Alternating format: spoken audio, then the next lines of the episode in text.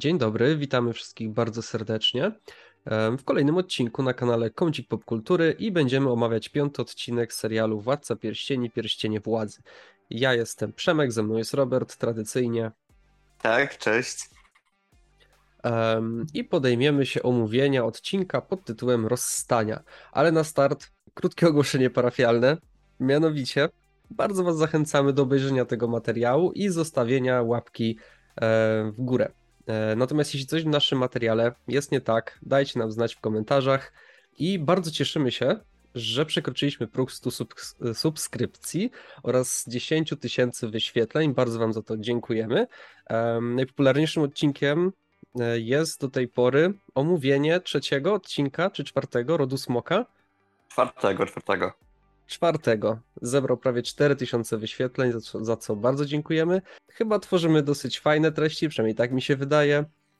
A tak jak wspomniałem, jeśli macie jakieś um, ale, może coś moglibyśmy robić lepiej, to bardzo chcielibyśmy, żebyście nam napisali w komentarzach. Tymczasem zachęcamy do subskrypcji, żebyście byli ze wszystkim na bieżąco.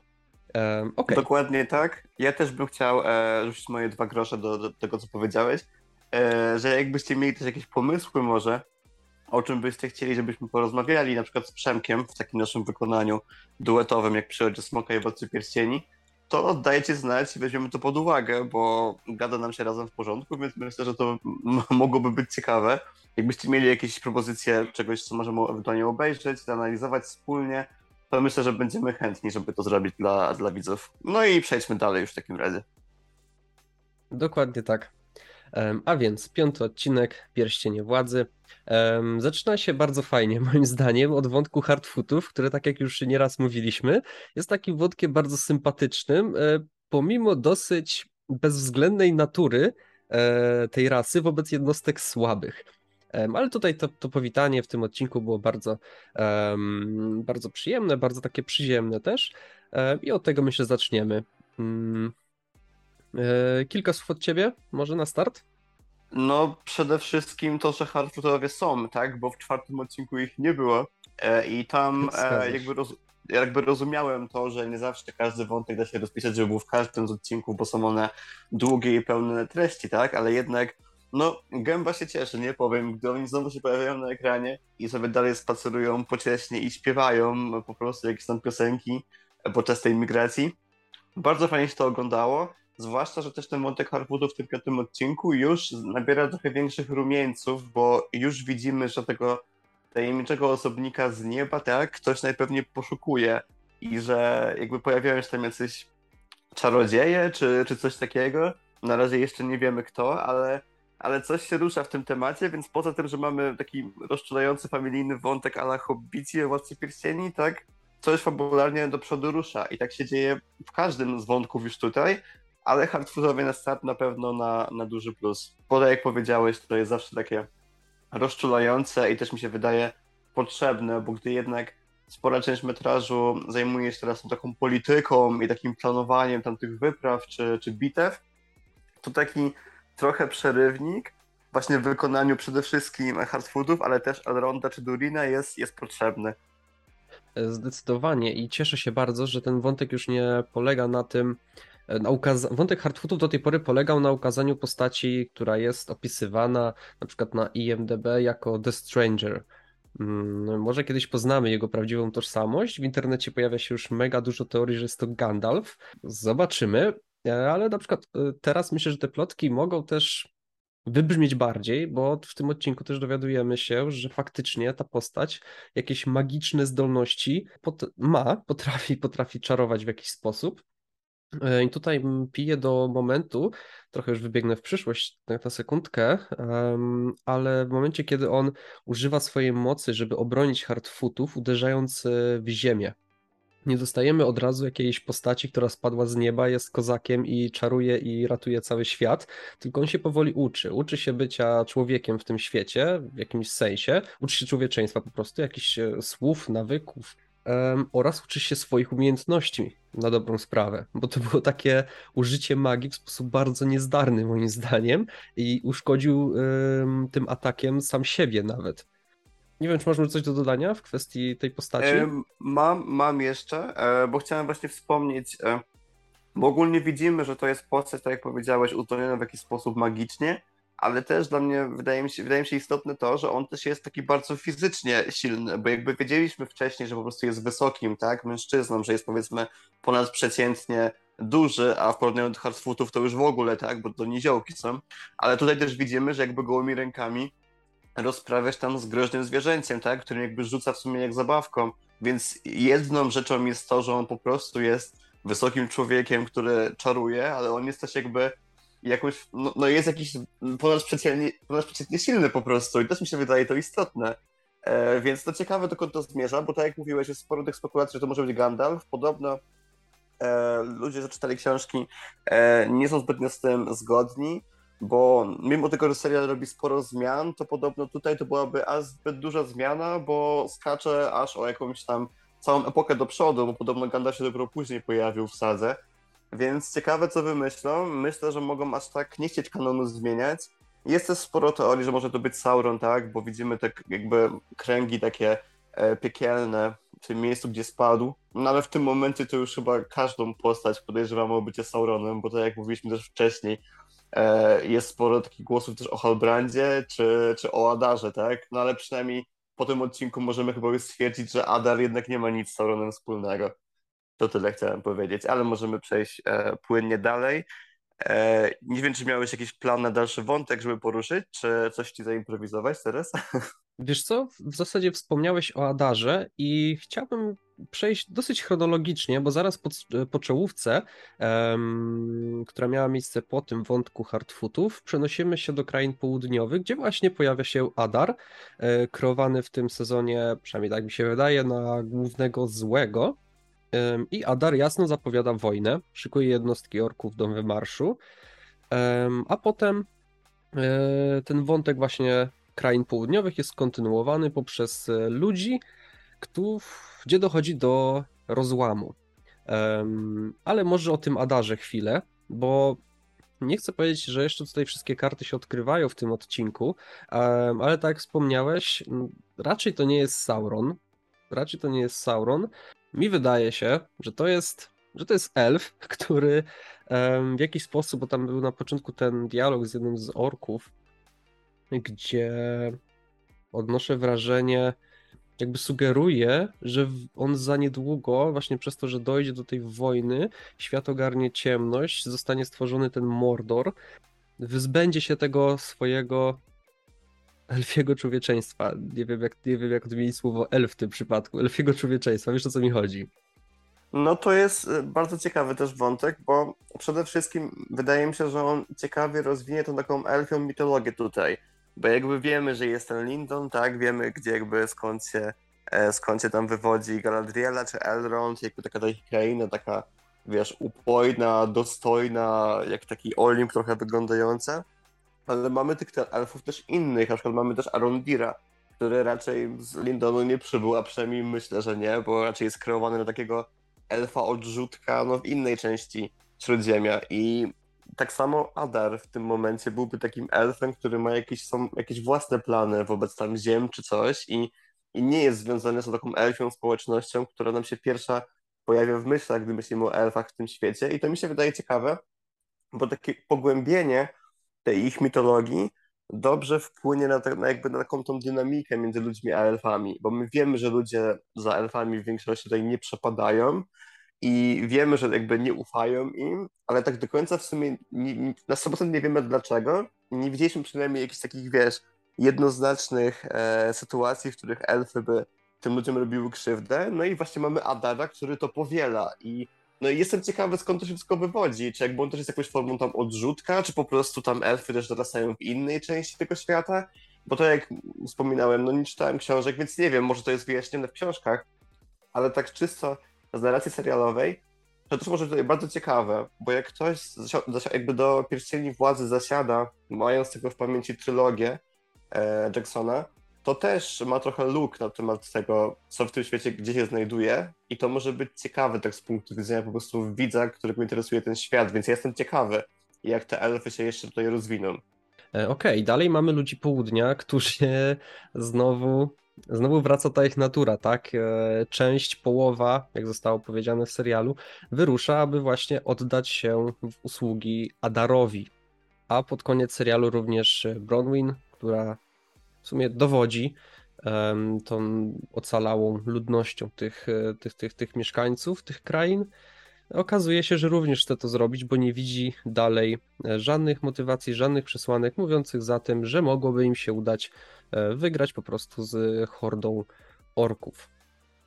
I w zasadzie tutaj chyba nie ma za dużo do powiedzenia, w zasadzie chyba, że coś masz, bo jakby to wszystko jest tak bardzo jasne, wydaje mi się, nie ma żadnych, nie wiem, podtekstów, cokolwiek, czy um, możliwości doszukiwania się jakiejś teorii. Znaczy, no wiesz, ciężko ich winić też po prostu, że oni nie chcą walczyć, bo to jak no pokazują tych mieszkańców pozostałych, to ich jest garstka. Jakby dosłownie tam taki, nie wiem, jeden plac się zapełnił tymi ludźmi.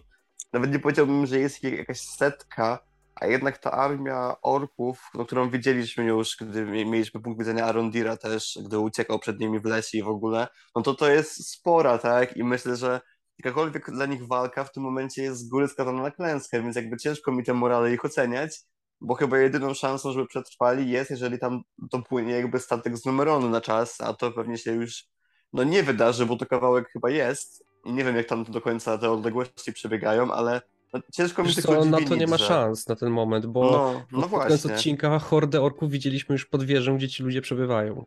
No dokładnie, więc... więc jakby ratunek nie przybędzie, przynajmniej teraz, także no, ciężko to widzę. Może uda się niektórym tam zbiec, ale raczej ta walka jest skazana na porażkę, chyba że po prostu faktycznie jakby uklękną, jakby jak w grze o Tron było knee i oddadzą jednak tę ziemię w ostatnim momencie i, i tyle, no ale no zobaczymy, tak jak mówisz, jest to dosyć jasna sytuacja, bo jakby sam odcinek się kończy tym, że tam orkowie już są, więc pewnie się to w kolejnym odcinku rozwiąże, także musimy tylko poczekać, więc możemy sobie w naszych spekulacjach to ominąć, bo no bo wiemy, że to nadchodzi, tak? Wiemy, że ta walka się wydarzy i się pewnie wydarzy już zaraz. Tak, i też z materiałów promocyjnych, takiego zwiastuna kolejnego odcinka, wiemy, że tam dojdzie do jakiejś walki.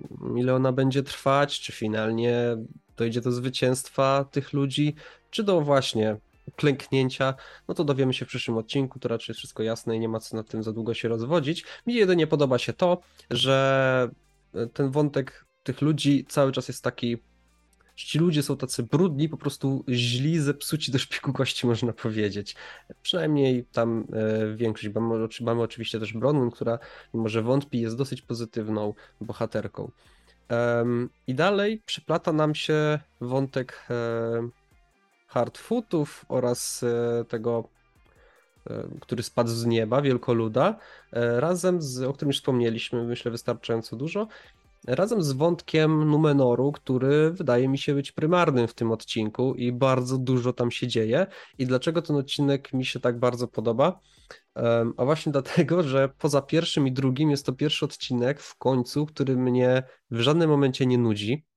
Jest to odcinek, gdzie historia faktycznie idzie do przodu, mimo że spodziewałem się, że w tym odcinku pójdzie jeszcze dalej, że dojdzie do wypłynięcia tych armii gdzieś na początku. To jest to na tyle fajnie e, i kreatywnie prowadzona historia w tym odcinku całej tej mobilizacji tych Numenorojczyków e, do wypłynięcia, czy też ukazanie ich obaw i tak dalej, jest pokazana bardzo dobrze, bardzo przekonująco i dlatego też ten odcinek tak bardzo mi się podoba i myślę, że możemy teraz przejść e, właśnie do Numenoru. Jak najbardziej możemy i ja bym chętnie zaczął, bo w poprzednim odcinku narzekałem trochę, że tamten wątek siostry Isildura z jakimś tam chłopakiem z Numeronu wydaje mi się taki trochę e, niepotrzebny i na siłę wrzucony. No to jednak się okazało, że nie do końca, bo jak widzimy on tutaj też ważną rolę pełni i jakby odbywa tam rozmowę e, tam z jednym z tych przywódców, tak, którzy nie, nie są jakby do końca zachwyceni pomysłem tej, tej wyprawy, którą zaproponowała Galadriela. Po czym widzimy próbę sabotażu tych statków i jakby próbę e, podpalenia ich, tak, która się w sumie kończy no jakby powodzeniem, bo jeden ze statków spłonął i to właśnie ten chłopak e, podłożył tam, tak, e, dokładnie, podłożył tam e, no te tak wybuchowe, te w sensie co tam było, beczka z oliwą czy coś i ogień zapruszył.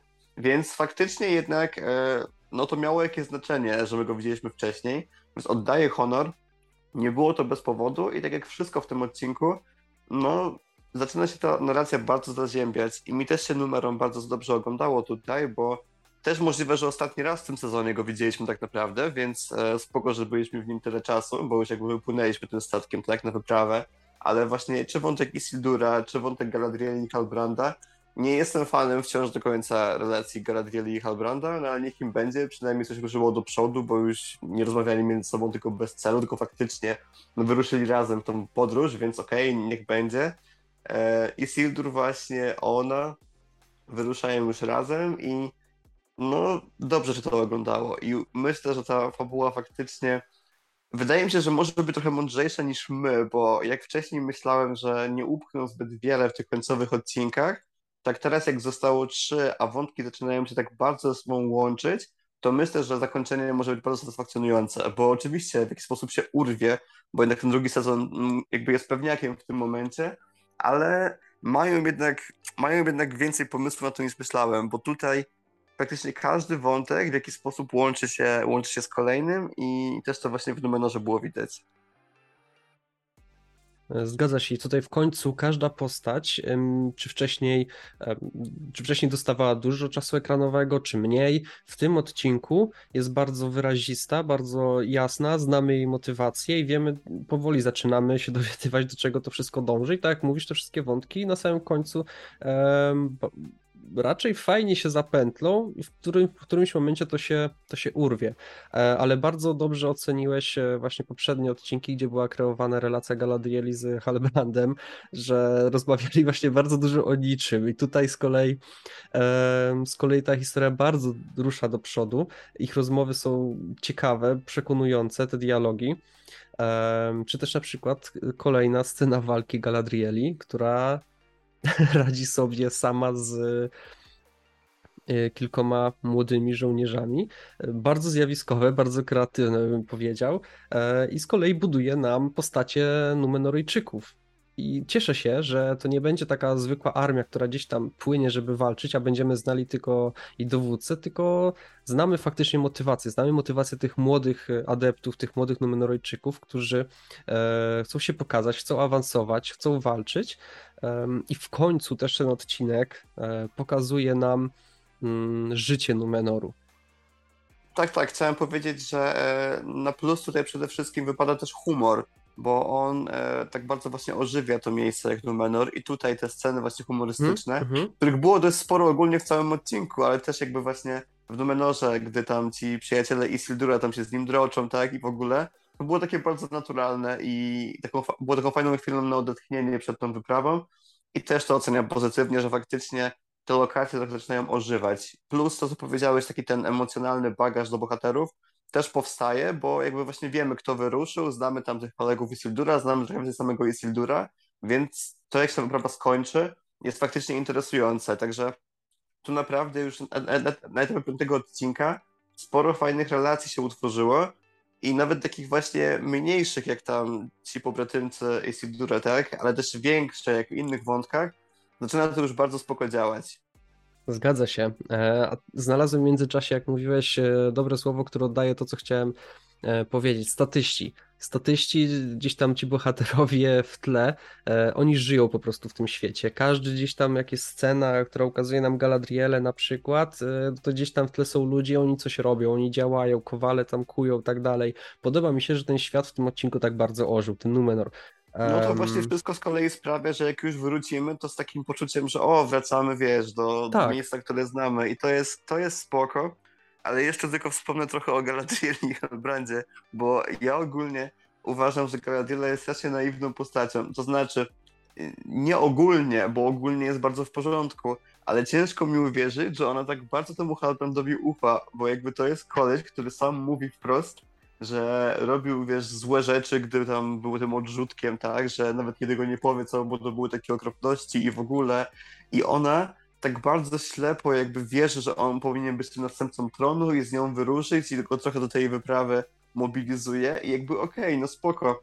Jak to jest takie przyjacielsko, kumpelskie, bez większego zaangażowania emocjonalnego, to w porządku, ale ja się bardzo boję, że to będzie coś w stylu, że wiesz, on się okaże jakiś właśnie zły później albo coś, a Gladwiela będzie taka zdziwiona wielce, bo na ten moment naprawdę Halbrand jest strasznie podejrzaną postacią i uważam, że taka Galadriela nie powinna mu w ogóle ufać, zwłaszcza, że jest nieufna w stosunku do każdego w Śródziemiu, to tym bardziej powinna być do niego, bo naprawdę on jest chodzącą czerwoną flagą. Jakby on dosłownie jej mówi, że wiesz, nie bez, nie bez tam przyczyny pływał po tych wodach, gdzie ona, że on tam, wiesz, pewnie, no nie wiem, no daje takie hinty, że pewnie zabijał ludzi i w ogóle, a ona jest taka, że dobra, w porządku, nieważne, płynie z nami, nie, jesteś królem, walczymy o twoje ziemię i tyle.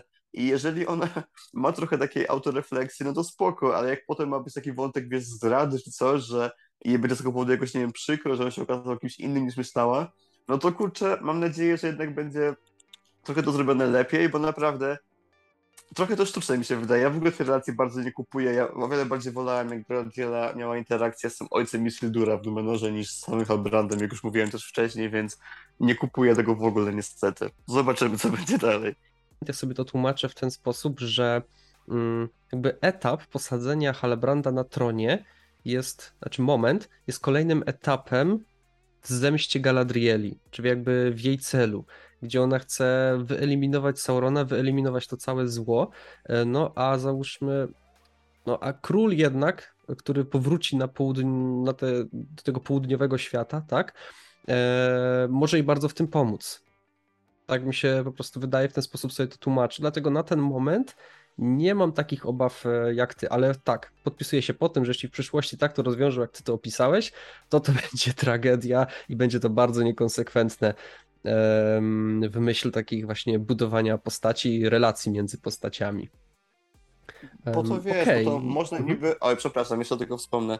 E, bo można to niby tłumaczyć tym, że ona się jeszcze rozwija jako postać, taki jest młoda i dopiero się mhm. jakby uczy o świecie i ten etap, gdy będzie, wiesz, Galadrielą, tą, tą mędrczynią już we Władcy Pierścieni, to jeszcze długo przed nią.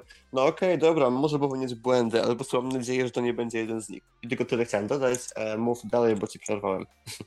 Um, ok, więc Numenor, fajnie, kończymy prawdopodobnie przygody z Numenorem w bardzo fajny sposób.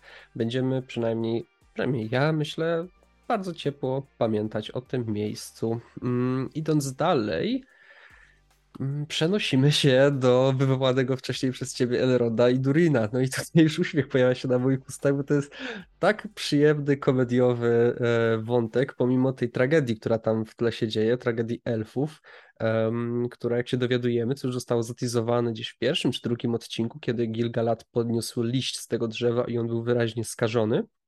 E, teraz ten wątek jest rozwijany, no i dowiadujemy się, że rasa elfów przynajmniej jakby tych tutaj z Lindonu, może zniknąć z powierzchni Ziemi, że tak powiem.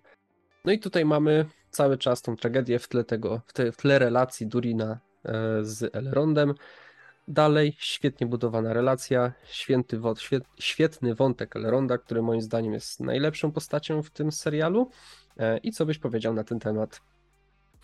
Znaczy, ja ogólnie chyba najbardziej lubię Durina, i utwierdziłem się w tym po tym piątym odcinku, bo jakby aktor, który go odgrywa, e, nie sprawdziłem niestety kto, potem tam zapiszemy w opisie czy coś, ale, ale jest rewelacyjny, bo jakby ta scena komediowa, gdy on tam tak podpytuje Elronda, żeby powtórzył mu po raz któryś, że los e, elfów jakby leży w jego rękach, tak? Aha. No to było super i ten jakby jego wyraz twarzy, jak to robi, albo też wcześniej z tym, z tym stołem, gdzie, gdzie mówił, że no Disa dawno marzyła o nowym stole, więc mógł tam sobie e, jakby skłamać tych elfów i w ogóle i zakopotanie ich prowadzić. To jest takie to było super.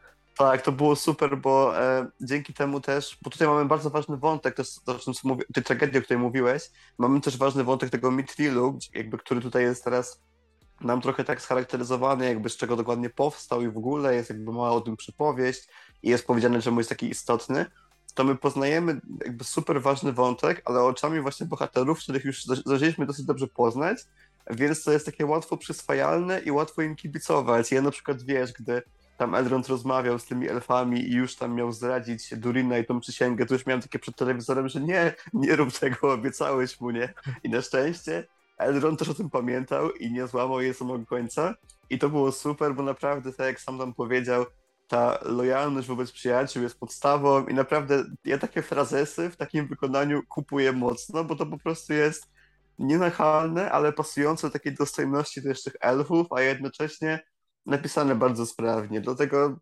super bohaterowie, e, bardzo fajne interakcje, ale też ważne, ważne fabularnie jest to wszystko, bo to właśnie, że wiemy, że teraz jakby ten Mithril jest e, w Kazad Doom, tak, i teraz trzeba będzie go powiedzmy jakoś odzyskać, no już tam całą linię fabuły nakreś, mocno napędzi, bo później wiemy, że z tego samego materiału wytworzą się pierścienie i czy one będą jeszcze w tym sezonie, czy, czy nie, oto już zmierzamy do tego momentu, że pionki na planszy są postawione bardzo blisko siebie, nie? Jakby zbliżamy się do końca gry, powiedzmy, tego, tego etapu i naprawdę super. To ulubiony wątek, ulubione moje minuty w tym odcinku. Tak jest i przy okazji też e, twórcy przemycają bardzo, myślę, dobre e, wartości po prostu e, w tym serialu, jeśli chodzi właśnie o tą przyjaźń między, międzyrasową. Okej, okay. w zasadzie. Mm, jeszcze jeden, jedną rzecz chciałbym wspomnieć. Nie wiem, czy, czy będziemy powoli kończyć, ale na pewno o tym chciałbym jeszcze wspomnieć. Mianowicie cieszę się bardzo, że e, w końcu mm, ten serial zachwyca, zachwyca też czymś innym, a nie tylko stroną wizualną. Bo do tej pory trochę tak było. Czwarty odcinek, poprzedni, e, przez to, że ta historia nie dość, że była trochę kiepsko opowiedziana, to w dodatku bardzo, bardzo powoli, w tym momencie, w pewnym momencie totalnie się znudziłem. E, tak tutaj mamy też trochę intrygi i tutaj piję do momentu um, Farazona, gdzie on z tym swoim synem rozmawiał w Numenorze i okazuje się, że będzie chciał wyzyskiwać w przyszłości ludzi po południa, kiedy już e, e, tam się no, osiedlą, uratują ich po prostu w tej wojnie. E, do tego bardzo się cieszę, że ten serial w końcu daje nam coś, więcej niż tylko piękna, chyba najpiękniejsza serialowa strona wizualna, jaką do tej pory widziałem. To, to, jest, to już bardzo dużo, e, ale coś poza tym. Tak, to prawda. To na sporej, fajnej głębi zyskuje i jest takim porządnym fantazy teraz, bo mam wrażenie, że już właśnie w piątym odcinku sporo takich dobrych elementów e, ze wszystkich wątków jest, jest wyciągane i nie dość, że mamy i fajne sceny akcji, i właśnie fajne takie knowania i fajną ogólną fabułę, która nabiera teraz bardzo wyraźnych kształtów, no to to jest takie, wiesz, porządne, fajne fantazy w telewizji, bo na przykład Ród Smoka w opozycji e, jest taką, wiesz, bardziej historią rodzinną i to fantazy też jest, ale trochę tak w tle, ale też wizualnie potrafi zachwycić, wiadomo, ale tak. to jest taka właśnie familijna, duża, z pompą opowieść, właśnie jak mówisz, z dobrymi wartościami, z dobrymi wizualiami i to jest coś, czego faktycznie zbyt dużo w takiej udanej wersji nie ma. Ja bym bardzo chciał, żeby to osiągnęło spory sukces. Mam nadzieję, że osiąga mimo wszystko i żeby te kolejne sezony były formalnością, bo, bo to jest taki po, skala rozmachu naprawdę spora, bo tu nie chodzi tylko o te wizualia, ale właśnie o, o całokształt. To, to się dobrze ogląda i jak już historia zdąży się tak w pełni rozwinąć, to myślę też, że sporo nowych widzów tego serialu przybędzie, bo jakby ci, co pierwsi byli zniechęceni tam początkiem, jakimiś zmianami, to gdy już sama fabuła będzie stała na własnych nogach, to myślę, że będzie jeszcze bardziej porywająca i czekam na ten moment też, też bardzo już. Okej, okay, na koniec, czy podpiszesz się pod e, moim zdaniem, że jest to najlepszy odcinek do tej pory? Jest, e, jest. Wiem, że tak często robię po naszych podcastach, czy Rodzie Smoka, czy tutaj, że każdy kolejny nazywam najlepszym, ale ten e, był dla mnie najlepszy naprawdę, bo tak jak też mówiłeś, nie było ani jednej takiej minuty większej nudy i to się po prostu Dokładnie. chłonęło jak, jak gąbka. Więc no, oby jak najwięcej, bo był też e, no, standardowej długości, ale no jednak godzinę 10 zapełnić samymi fajnymi scenami i oczekiwaniem na więcej też, też trzeba umieć, także na pewno był. Mam nadzieję, że będą w sezonie jeszcze lepsze oczywiście, ale, ale to, było, to było super. Nie ma co więcej mówić, po prostu to był super odcinek. No. Dokładnie tak. I postawiliśmy też mimo wszystko parę pytań, bo ta historia jednak dalej będzie się rozwijać. E, a najbardziej zagadkowym pytaniem jest chyba to, kim jest postacią, kto jest. Yy... Zgubiłem się. I kim jest postać The Strangera w ten sposób? E, I na to pytanie mm, może wy, widzowie, pomożecie nam odpowiedzieć w komentarzach. E, I tak jak na samym początku wspomniałem, bardzo prosimy łapki w górę, komentarze, jeśli coś moglibyśmy poprawić, jeśli macie jakieś ciekawe pomysły odnośnie naszego podcastu. E, dzięki, że byliście z nami do końca tego odcinka. Mm, dziękuję również Tobie, Robert, i do widzenia. Ja również, ja również, tak. Trzymajcie się i widzimy się przy kolejnym omówieniu. Tak jest. Cześć, cześć.